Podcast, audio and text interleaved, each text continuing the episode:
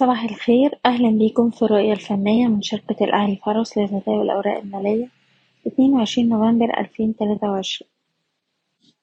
في جلسة امبارح المؤشر بدأ الجلسة على تراجع.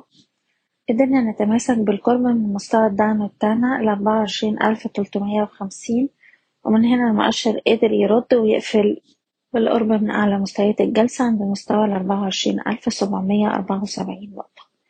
أهمية مستوى الدعم اللي عند الأربعة وعشرين ألف تلتمية وخمسين بتتمثل في إنه كان قمة سابقة وتم كسرها وبالتالي بتعمل دلوقتي كمنطقة دعم زائد إن هي نسبة تصحيح واحد وستين في المية من موجة الصعود الأخيرة.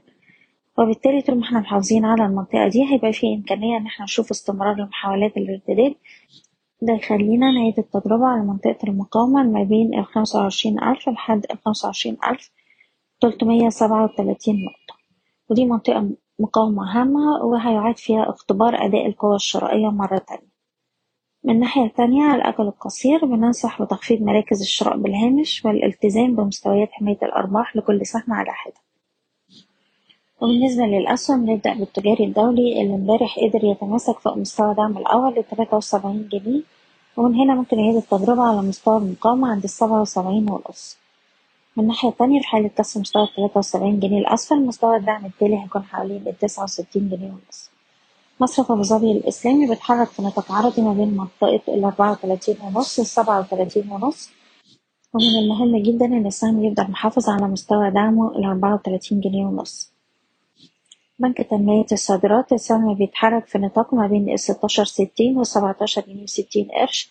ونقدر نحتفظ طول ما إحنا محافظين على مستوى الدعم الستاشر جنيه وستين قرش.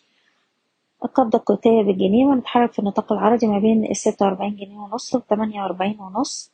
القلعة ما زالت بتواجه مستوى المقاومة عند اتنين جنيه وستين قرش. محتاجين نتجاوز المستوى ده عشان نشوف محاولات ارتداد وفي الحالة دي نستهدف اتنين جنيه وتمانين. من الناحية التانية منطقة الدعم ما بين الاتنين أربعين الاتنين خمسة وتلاتين. سهم بلتون من المهم نراقب منطقة الدعم ما بين تلاتة وستين تلاتة جنيه خمسة وستين لأن في حالة كسرها مستوى الدعم التالي هيكون التلاتة جنيه خمسة وأربعين. سهم مدينة مصر نقدر نحتفظ فوق مستوى الدعم التلاتة جنيه خمسة وأربعين ومن هنا ممكن نعيد التجربة على مستويات المقاومة عند التلاتة خمسة وسبعين والتلاتة خمسة وتمانين. وبالنسبة لسهم موكو مستويات المقاومة التالية حوالين الخمسمية وتسعين ويليه مستوى الستمية جنيه ستمية وعشرين جنيه. أما منطقة الدعم ما بين الخمسمية وعشرين والخمسمية جنيه.